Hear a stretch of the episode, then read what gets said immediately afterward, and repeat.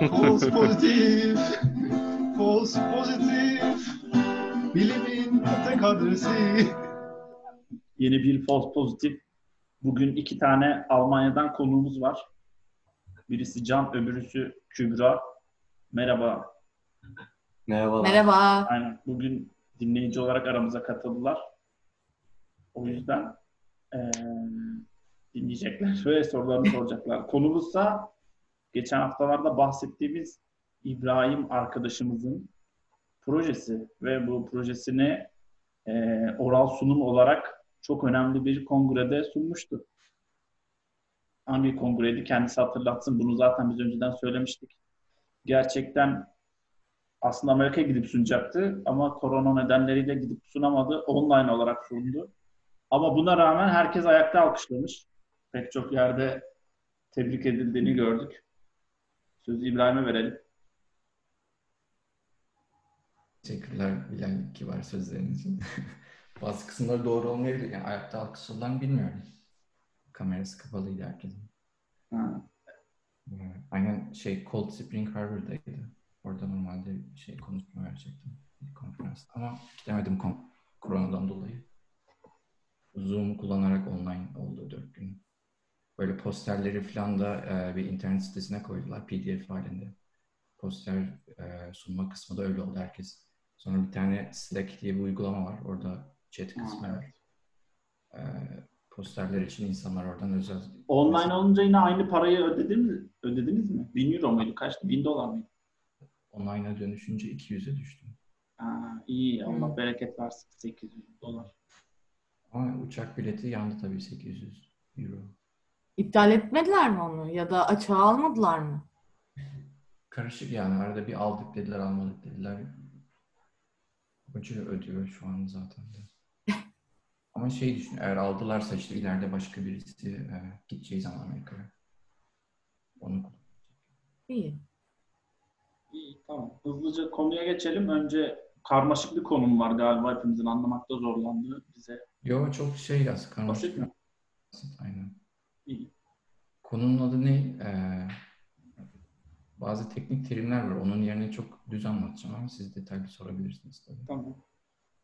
Ee, yapay zeka kullanarak e, DNA'nın nasıl işlediğini, nasıl kodlar olduğunu içinde onu çözmeye çalışıyoruz aslında kısaca. Ee, benim çalıştığım alan normalde iki farklı ana proje var bizim laboratuvarda. Birinde e, cilt kanserindeki, yani cilt kanserinin DNA'sını inceliyoruz. Diğerinde e, Drosophila melanogaster bu meyve sineği dediğimiz sineğin e, beyin gelişimi süresinde DNA'nın işlevini araştırıyoruz. Tamam. Hmm. Ne yapıyor bu yapay zeka tam olarak? Yapay zeka ne yapıyor tam olarak? Ne yapıyorum ben? Şimdi yapay zeka ilk önce eğitmen gerekiyor bir yapay zekanın çalışması için. Mesela bu e, fotoğraflardaki işte hayvanları tanıyan, bir hayvan resmi gösterince kedi diyen bir yapay zeka modelinde ilk önce ona milyonlarca belki kedi resmi, köpek resmi, şu resmi, bu resmi gösteriyorlar. Ve diyorlar ki işte bu budur, bu budur. Sonra bu yapay zeka modeli her seferinde bu resme bakıp onları belli e, filtrelerden geçirip en son bir tahminde bulunuyor. Yanlış tahmin ediyor. Sonra yanlışa göre bu filtreleri güncelliyor. Tekrar bakıyor, tekrar tahmin ediyor. Böyle böyle kendisini eğitiyor. Eğitim bittikten sonra daha önce hiç görmediği bir hayvan resmi verdiğinde önceki işte o güncellediği filtreleri kullanarak diyor ki işte bu kedidir, bu köpektir. Peki yanlış tahmin ettiği durumda o bilgi yani onun yanlış olduğu bilgisini dışarıdan siz müdahaleyle söyleyip o filtreleri değiştiren sizsiniz değil mi? Kendisi otomatik yapıyor. Yani şey biz diyoruz ki bu resim kedi resmidir. İlk önce kendisi tahmin yapıyor. Kedi ol başka bir şey buluyor. Aradaki işte kediyle mesela köpek diyelim ikisinin arasındaki hata farkını hesaplıyor. Hı. O hataya göre modeli güncelliyor. Bir daha deniyor. Yani amaç o aradaki hatayı tamamen sıfıra indirmek. Tıpkı bizler gibi aslında. Geçmiş hatalarından ders çıkarıyor. Evet. Ya bir çocuğun öğrenmesi gibi teker teker bir şeyleri öğreniyor. Ee, İbrahim, e, laboratuvarın sinek beyin gelişimi ve cilt kanseri çalışıyor. İki tane çok ayrı konu. Niye bu iki ayrı konuyu çalışıyorsunuz? Niye ikisini çalışıyoruz? Aslında laboratuvarımız e, yani bunlar seçtiğimiz modeller. çalıştığımız konu e, genler nasıl regüle edilir? E, ve bu iki sistemde cilt kanserinde ve sineğin beyin gelişiminde güzel bir model organizmalar ya da sistemler. Bu işte genin regülasyonu hakkında soru sormak için. Hocam e, daha önce işte postdoc yaptığı kişi de sinek çalışan birisi. Öyle bir geçmiş de var. E, cilt kanseri işine ne zaman nasıl girdiği hakkında bir fikrim yok ama. Peki çok büyük farklılıklar çıkıyor. Mesela çok ayrı şeyler ya. Sistem çalışırken, mo- bu modeller çalışırken çok farklılıklar oluşuyor mu? Yani siz bunu yaparken çok zorlanıyor musunuz mesela? İki Biri farklı yapay zekadır bir belki. şey. Evet, yani Evet. yapay zeka yok. Her bir e, sistem için bir yapay zeka. Yani bir sürü yapay zeka Bu modeli. yapay zekayı siz bir yerden mi temin ediyorsunuz? Yapay zeka firmasına diyorsunuz bize yapay zeka verin biz bunu edeceğiz mi diyorsunuz? Yoksa sen mi oturup yapay zekayı oluşturuyorsun? Python diye bir programlama dili var. Bu Python'ın içine başka böyle e, kütüphaneler ekleyebiliyorsun. Daha önce insanların hazır yazdığı kütüphaneler. İşte Keras ve TensorFlow diye yapay zeka için yapılmış kütüphaneler var. O kütüphaneleri Python'a yüklüyorum. Daha sonra işte orada gerisi kod yazarak o kütüphaneyi kullanarak e, yapay zeka modeli oluşturuyorum kendim. Sonra onu da eğitiyorum. Eğitmek için kullandığın bir sinek ve cilt kanseri datası var o zaman. Evet. Bunları kim çıkardı? Siz mi çıkardınız? O da. Yani bu e, bizim laboratuvar hem e, şey wet lab diyorlar yani moleküler biyoloji deneylerinin yapıldığı hem de dry lab ya da işte bio, bioinformatik ya da hesaplamalı biyoloji ne deniyorsa e, onun yapıldığı bir lab. Hani datamızı kendimiz üretiyoruz sonra kendimiz onu analiz ediyoruz. Tamam. Tamam sen bu şeyleri eğittin. Yapay zekalar hatalarından öğrene öğrene olgunlaştılar. Şimdi şey e, eğitirken de şey e, benim mesela şey örneği verdim işte hayvan e, sınıflandırılması. Ben neyi sınıflandırıyorum? E, bunun için şöyle her hücrede aslında mesela e, bizim her hücremizde kaç milyar tane varsa aynı DNA var. Hepsindeki DNA aynı. Belki çok ufak farklılıklar vardır mutasyondan dolayı, güneş ışınlarından dolayı ya da başka nedenlerden dolayı ama hepsi aynı. Fakat e, bizim cilt e, hücrelerimiz var, beyin hücrelerimiz var, şu hücrelerimiz, kemik hücrelerimiz, çok farklı hücreler var. Bunlar nasıl oluyor? Her birinde farklı genler aslında işlevsel. Her birinde farklı bir küme, küme e, çalışıyor. E, Hoş geldin Harun bu arada yeni katıldı. yani- Selamünaleyküm. Biz başladık kusura bakma. Aleykümselam. Aa Aykut'muş bir an Tolga Hoca'yı programa mı aldık diye düşündüm. Selamlar Harun. İbrahim yapay zeka projesini anlatıyordu. Başlarındayız sen. Takip edebilirsin bence. Senin sevdiğin konular. Müthiş. Nerede? Yani işte evet bu hücrelerin hepsinde aynı DNA var. Ee, hepsinin içinde. Farklı ama hepsinde farklı genler işlevsel. Bu nasıl sağlanıyor? DNA aslında e, histon proteinleri dediğimiz şeylerin etrafına sarılı. Her 200 nükleotit uzunluğunda DNA bir tane histon proteinin çevresine sarılmış durumda. Eğer bu sarılma çok sıkıysa e, burası işlevsel olmuyor. İlk önce oranın işlevsel olması için o kısımda DNA orada dolaşmış gibi yani. orası dolaşık. Oradaki histon proteinlerin böyle işte ceviz birliği nasıl hayal ederlerse onun oradan kurtulup o kısmın açık hale gelmesi lazım. Bu kısmı açık diyor. Hani açık DNA, kapalı DNA. Ha, birinin dolaşıklığı çözmesi lazım. Bu dolaşıklığın nerede açık, nerede kapalı olduğunu işte e, ölçen bir deney var. Ataxet diyoruz. Hı. Bunu yaptığın zaman DNA'nın sana verdiği sonuçta bu kısımlar açık, bu kısımlar kapalı. Biz bu Ataxet deneyini e, cilt kanserinde ya da işte e, sinek beyninde single cell şeklinde yapıyoruz. Öyle olunca nasıl oluyor? Yani tek hücrelerin o profilini çıkarıyoruz.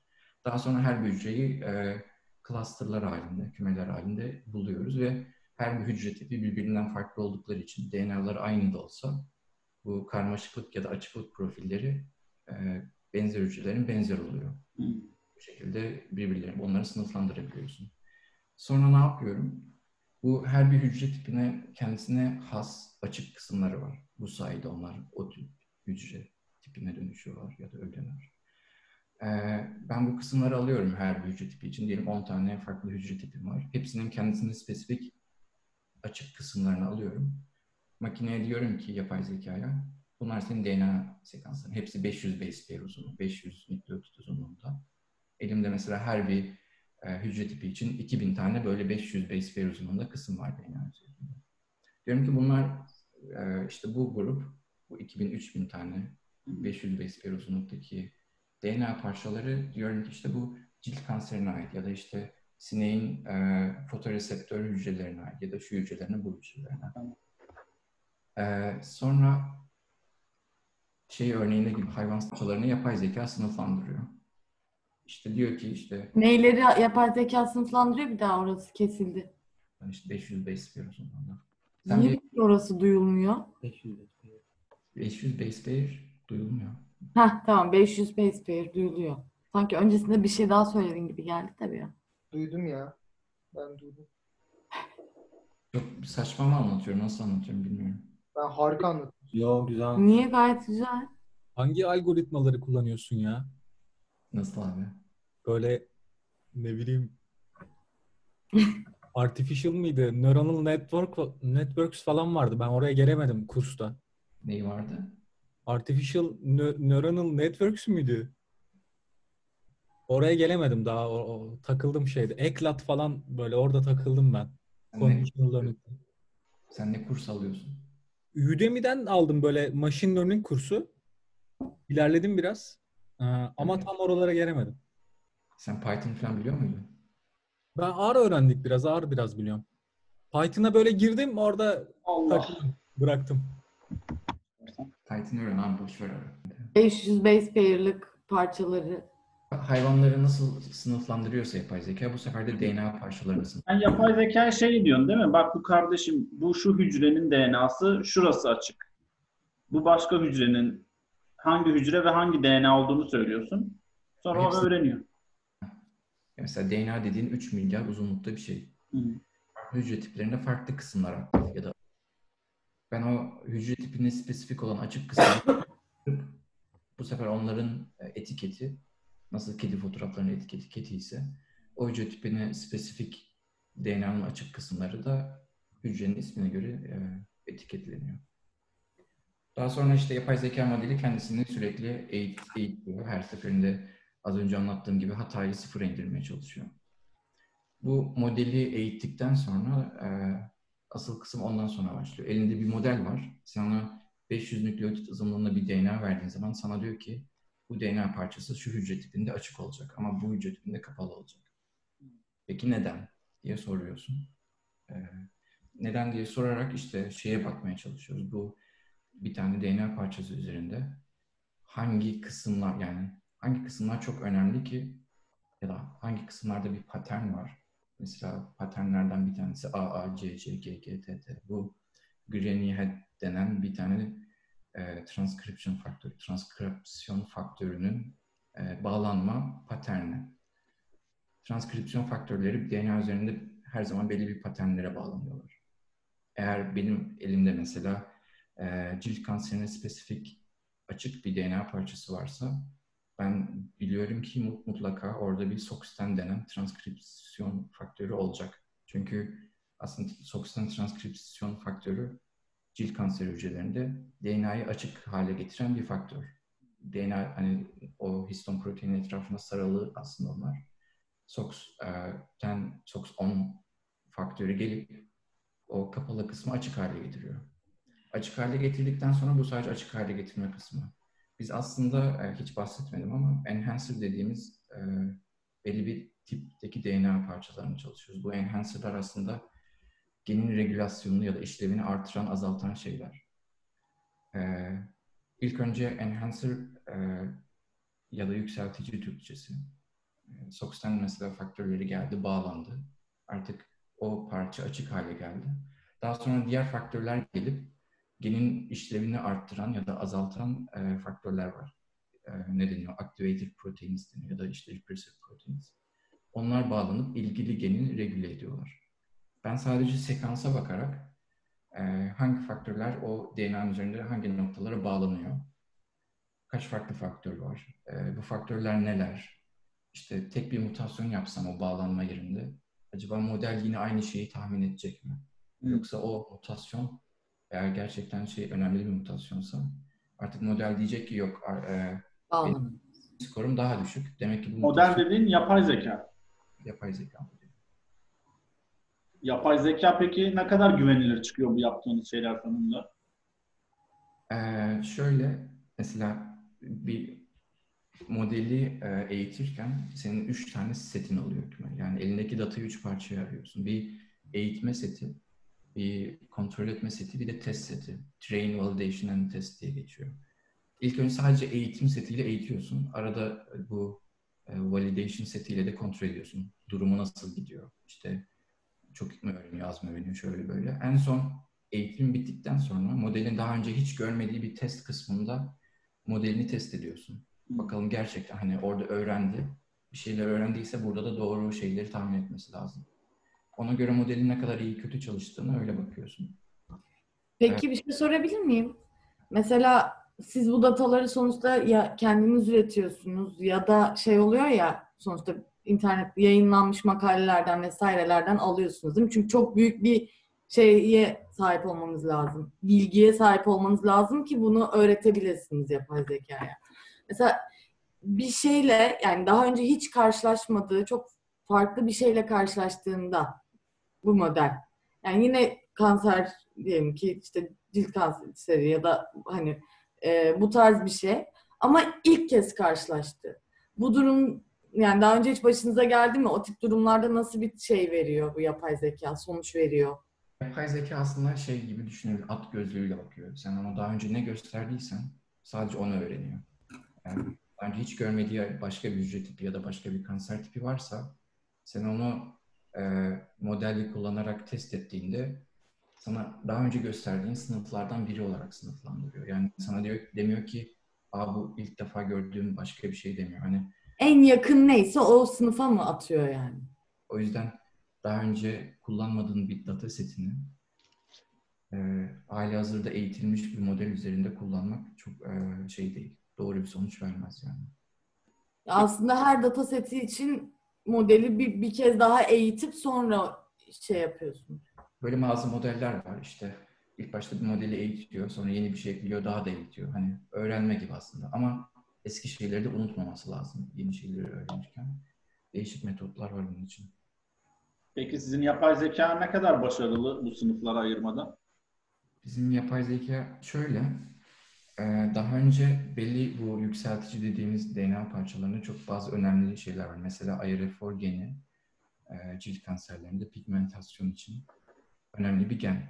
Orada işlevsel.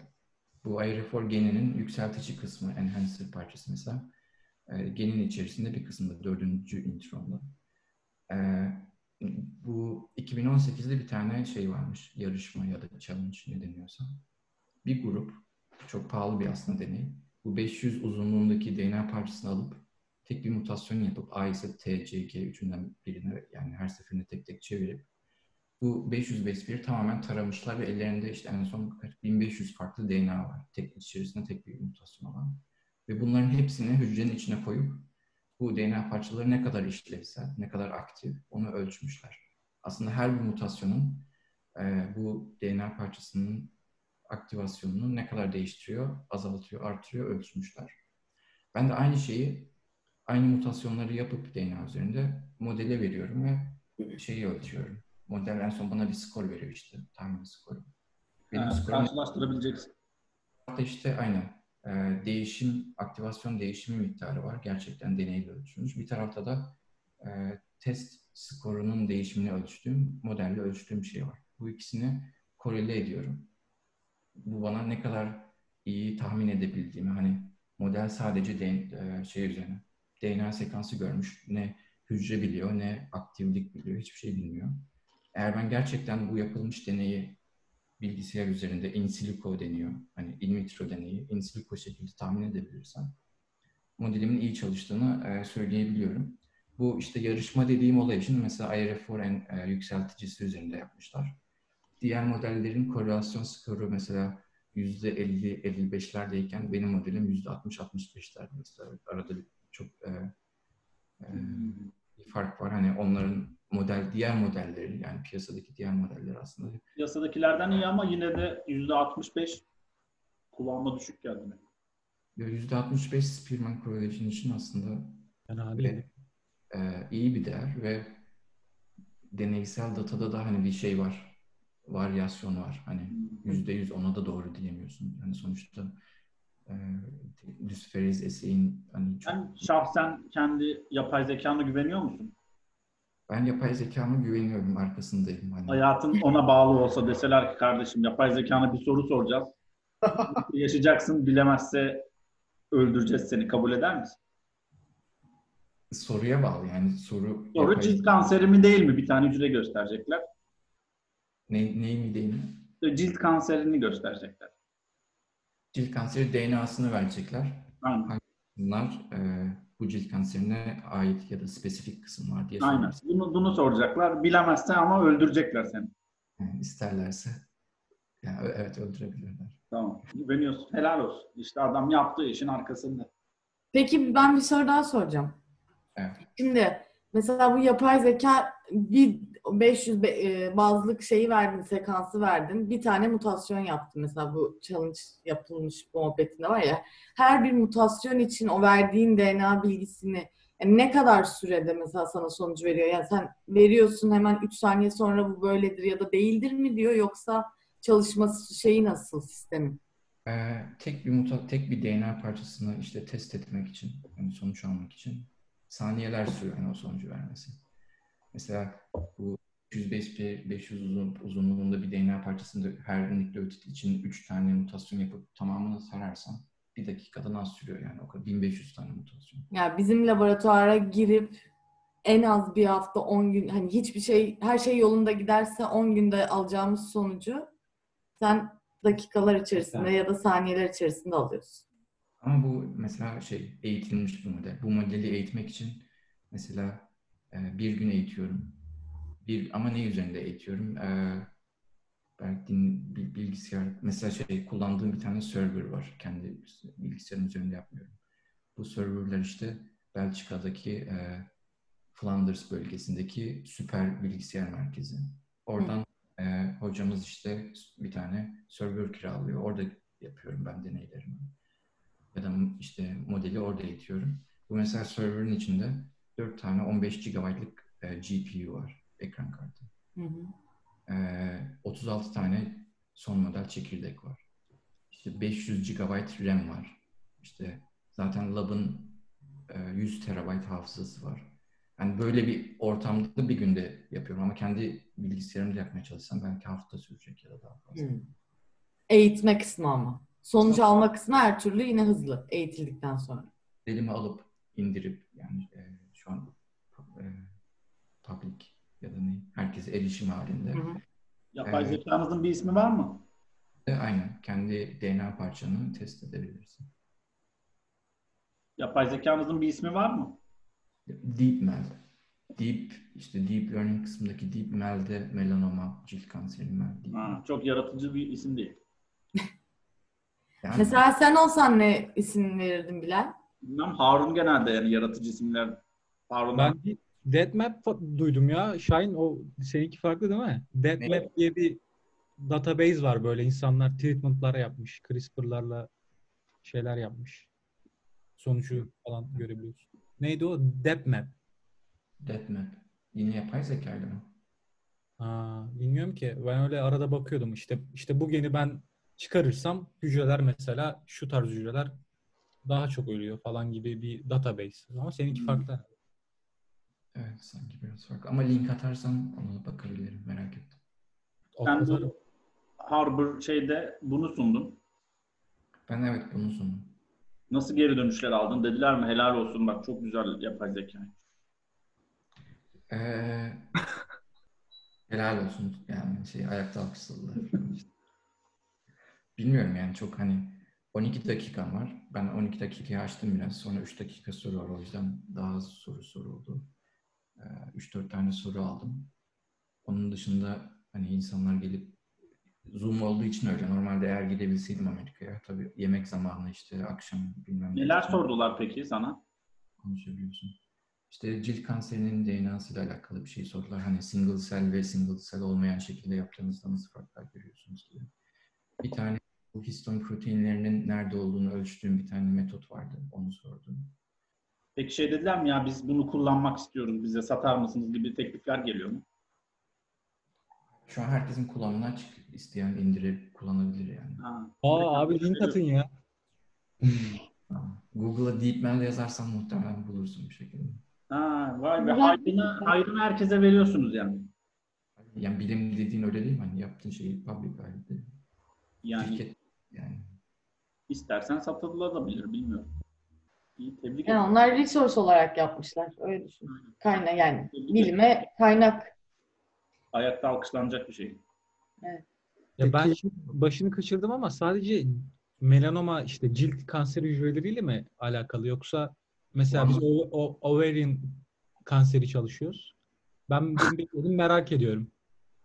Ya abi enhancer acaba bu hücrelerde aktif olabilir mi? Kullanabilir miyim bu şeyi? Gitmeli kullanamazsın çünkü o melanoma yani spesifik. Eğer o öyle için istiyorsan onun için bir model yeniden eğitmek lazım datayla. Ama sen atak datası çıkarıyorsun sanki. Öyle bir şey istersen. Abi sen- onu yaptık ama galiba biraz patladı ama bilmiyorum ya bizim inceliyorlardı. Peki İbrahim modelini daha nasıl geliştirmeyi planlıyorsun? Şu an aslında onu yapıyoruz. Sıradaki şey o olacak. Ee, daha fazla atak datası üretip ya mesela bu modeli aslında iki yıl önce ben yapmaya başladım. Arada iki yıl boyunca bu modeli üretirken aslında bayağı da bir şey öğrendim. Şimdi hem daha fazla datayla, hem daha fazla bilgiyle, hem daha fazla e, bilgisayar power yani işte daha güçlü bilgisayarlarla daha iyi bir model yapma planım var. Yani DeepML 2 gelecek yakında. Abi peki sadece atak mı? Başka şeylerle kombinliyor musun? Böyle e, böyle spesifik modifikasyonlarla ya da high-C datalar oluyor yani. İşte bu DNA bununla bununla çok interak ediyor falan diye. Ya High-C mesela 500 nükleotit uzunluğuna baktığımız için High-C o kadar rezolüsyonda değil yani. Hani daha Mesela geçen haftalarda Selif arkadaşımız RNA hızı diye bir şey anlatmıştı. Onunla birleştirilebilir mi acaba? Ya bu şey gibi düşünün yapay zeka modellerini. Elinizde Lego parçaları var. İstediğiniz giriş ve çıkışları belirleyip içerideki nöronları istediğiniz şekilde yerleştirip her şey için yani hem atak datası hem RNA datası hem şu datası bu datası alıp hangi hayvan hangi işte ne bileyim turt istediğiniz şekilde oynayabilirsiniz. Yani çok şey. nasıl oynamak istiyorsunuz peki? Başka şeyler mesela sadece DNA yani şimdiye kadar yaptığımız her şey sadece DNA parçası verip bir de label yani etiket veriyoruz. Ne biz ne kadar bu kısım açık, RNA miktarı ne kadar, histon proteininin nerede hiçbir şey vermiyoruz aslında. Sadece DNA'ya bakıyor bu model. Sıradaki işte planladığımız şeyler başka bilgiler de verip DNA'nın yanında. Aslında yapay zekaya biraz da yardımcı olmak yani hani körü körüne de gitmesin gibi. Böylelikle şeyini mi arttırmak istiyorsunuz? Doğruluk. Aynen kesinlikle. Ama bunun eksi yanı ne? Şimdi mesela e, sen kendi bir DNA parçan var. Benim modeli indirip direkt DNA parçasını koyup sonucunu alabilirsin. Ama Hı hı.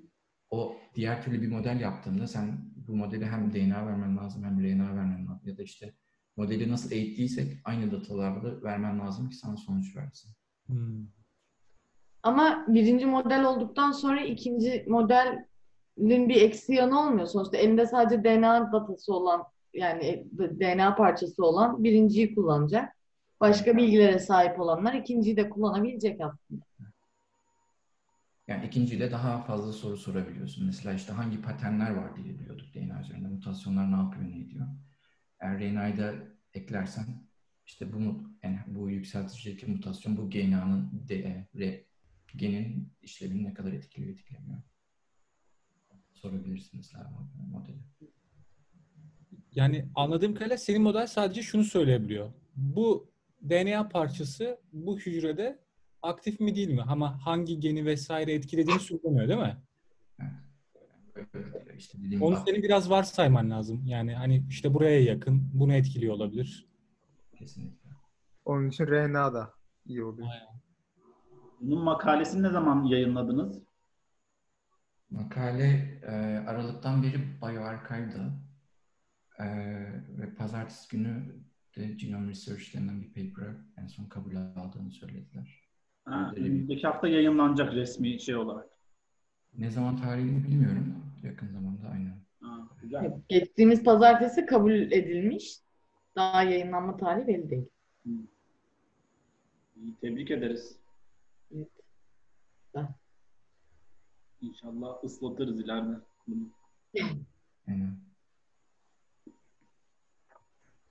Evet böyle. Çok İbrahim. Güzel. Yapay zeka, biyoloji, DNA hepsi bir arada.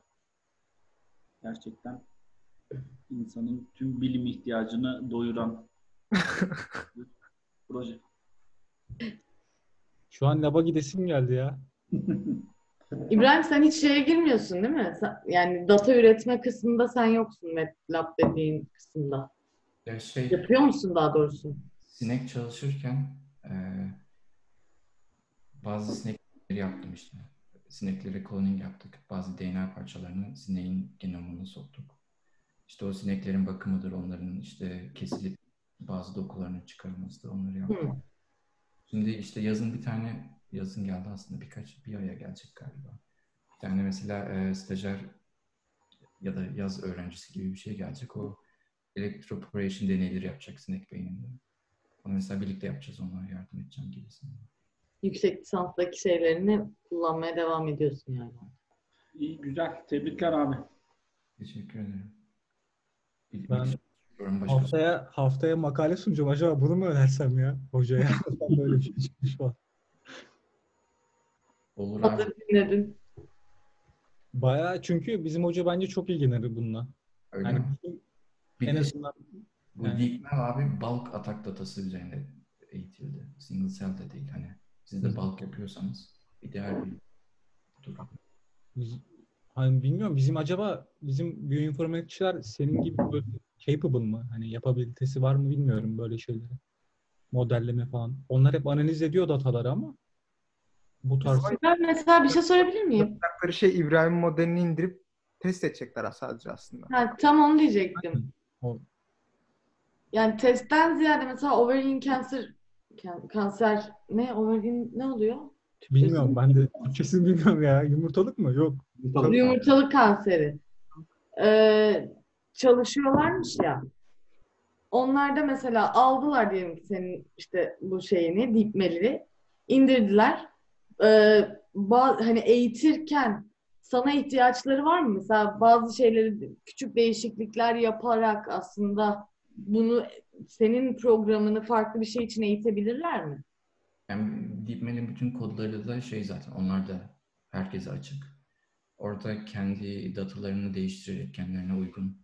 Mesela benim DeepML'imde 24 tane sınıf var. Ama o veride belki daha farklı bir sınıf sayısı olacak. Hani o kısmı değiştirmesi lazım. Ya da 500 uzunluğunda DNA parçası değil de daha uzun, daha kısa bir şey koymak işte değiştirmesi lazım. Sonra kendisine ait açık kısımların e, DNA'larını Bilgilerini. Ama kodların hepsi şey, eğer Python'ın kodunu okumasını bilen birisi varsa kolay bir şekilde yeni bir model Peki kendisi. şey mesajı geliyor mu? Ya biz işte bilmem başka ne kanseri için bunu eğitmek istiyoruz. Bize yardımcı olur musunuz gibi teklifler geliyor mu sana?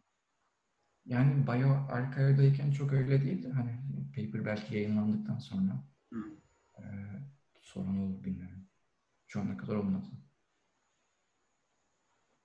İbrahim hiç şey tahmin ettiğiniz oldu mu? Ee, modelinle. Mesela hücre tipleri veriyorsun sen modeline. Modelinde tahmin ediyor. Modelin tahmin edemediği daha önce e, tipini belirtmemiş olduğun bir şey verdin oldu mu hiç sana? Yani Evet. bilmiyorum model. Sen bir şey verdin, bilmiyorum. Ben bu bunu bana bana böyle bir şey söylemedin gibi bir cevap verdi mi sana? Öyle bir cevap veremiyor. Çünkü 24 tane sınıftan bir tanesine ya da birkaç tanesine Ha. sınıflı etiketle seçmesi lazım hani. Ama öyle bir dizayn edersin ki e, eğitirken bir tane daha klas koyarsın, sınıf koyarsın. Geri kalan her şeyi o sınıfın içine koyarsan diyecek ki tamam ben bu 24 sınıfı biliyorum. Bilmediğim bir şey geldi o zaman o 25. sınıf bir şey. Ama o 24 sınıfa mesela şey değil mi? Bir skor veriyordur sonuçta değil mi? Evet. Korelasyon skoru, bir Spearman öyle şeyler. Ya onu çok düşük verip mesela A tipi hücresi diyor sana. Ama A tipi hücresinin skoru çok düşük. Evet. Ya sen oradan şey diyor musun mesela? Aa bu başka bir hücre tipi olabilir mi bu diyor musun mesela? Aynen. Yani öyle şeyler olay yaşadın yani. Evet, evet. Yani işte o deep learning olaylarında şey kısmı biraz sinir bozucu. Yani daha önce hiç görmediği bir şeyi hiçbir an- bir şekilde anla. Hani kendisi öğrenemiyor. Yani öyle bir şeyleri yok. O zaman siz hücre yani bu şeyleri belirlerken belir bir eşik değer mi atıyorsunuz? Yani mesela yüzde kırkın üstünde çıktıysa bu korelasyon değeri tamam bu hücre bu sınıfa dahil olabilir diyorsun. Ama bunun altında çıktıysa yani hücreye şüpheli bir gözle yaklaşmalısınız gibi bir şeyin var mı? Mesela modeli Ve neye eğitim- göre belirledin bu sınırı? modeli eğitirken elimde belli bir set var ve dataya baktığımda kesinlikle bunların hepsi melanomaya spesifik açık kısım var. Sonra Hı. test ediyorum modeli. Bunların yüzde kaçına doğru yani kaç yüzde kaçı true pozitif, yüzde kaçı false pozitif, yüzde kaçı false negatif. Bunlara göre aslında şeyi belirliyorum. Hani nasıl bir threshold koyarsam pozitif oranım düşer gibi. O Anladım. threshold'un üstündekilere diyorum ki bunlar true pozitif. Şöyle böyle. Tamam bunun reklamını da yaptık böyle.